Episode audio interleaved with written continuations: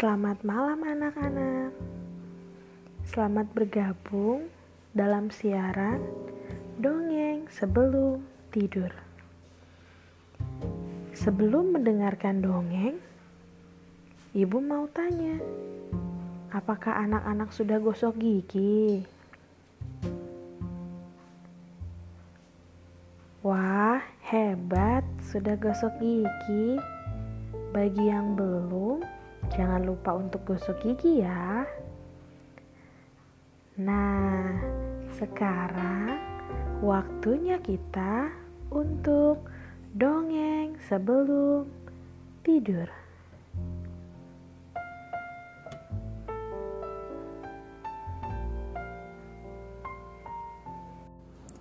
Kali ini Ibu Kiki akan mendongeng dengan judul Lala ke Sekolah Peternakan. Suatu pagi Lala bersemangat untuk bangun lebih pagi karena hari itu kelasnya akan berkunjung ke sekolah peternakan. Sejak kemarin Lala sudah mempersiapkan tas ransel berisi masker cadangan, baju ganti, dan jas hujan. Lala pun minta mama untuk tidak lupa menyiapkan bekal roti dan botol minum bertali untuk hari ini. Sesampainya di sekolah, Lala semakin bersuka cita melihat bis sekolah sudah siap di depan gerbang. Mama, lihat, di sekolahnya sudah siap. Lala dan teman-teman mau naik bis, mah.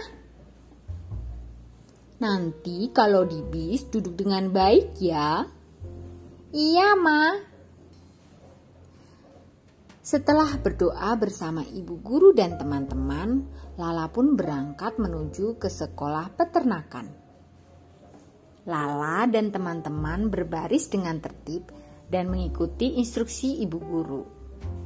Dimulai dengan antri membeli tiket, pemeriksaan suhu dan cuci tangan, Kemudian Lala dan teman-teman masuk ke kandang kelinci dan memberi makan kelinci. Ada yang membelai kelinci, ada yang mengejar kelinci. Lala dan teman-temannya terlihat sangat senang. Setelah dari kandang kelinci, ibu guru mengajak anak-anak untuk masuk ke kandang marmut. Namun sayang, Marmut menghindar saat Lala mau membelai bulunya. Mungkin Marmut takut melihat Lala dan teman-temannya. Kemudian ibu guru mengajak anak-anak ke kandang sapi. Di sana, Lala dan teman-teman memberi makan rumput. Saat sedang bergantian memberi makan sapi, datang petugas dari sekolah peternakan yang membawa garam dan menaruh garam itu pada potongan rumput di tempat makan sapi. Kemudian Lala bertanya pada ibu guru. Ibu, kenapa rumputnya diberi garam? Garam itu untuk menambah rasa pada makanan sapi, sehingga sapi akan semakin lahap saat makan. Garam mengandung mineral yang bermanfaat untuk tubuh sapi, supaya sapi tidak mudah sakit.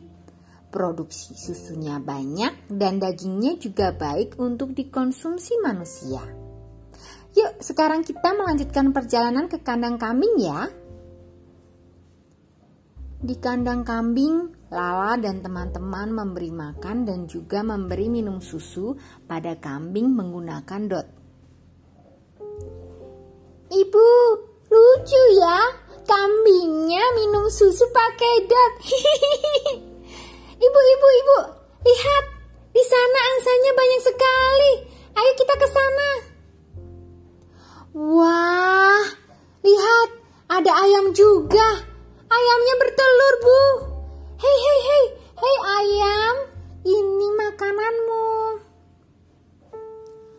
Lala dan teman-teman terlihat senang dan menikmati kegiatan di sekolah peternakan. Binatang terakhir yang belum dikunjungi adalah ikan. Ikan adalah binatang kesukaanku. Ha ikan, ayo makan. Wah, ternyata ikannya besar. Teman-teman lihat, ikannya besar-besar ya. Lihat, lihat, lihat. Di kolam ikan lele ada lele berwarna putih. Tidak terasa waktu semakin siang.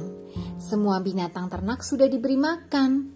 Saatnya Lala dan teman-teman pulang sekolah. Sesampainya di sekolah, Lala dijemput oleh Mama. Mama! Lala, bagaimana kegiatan hari ini? Apakah Lala senang? Lala senang sekali, Ma.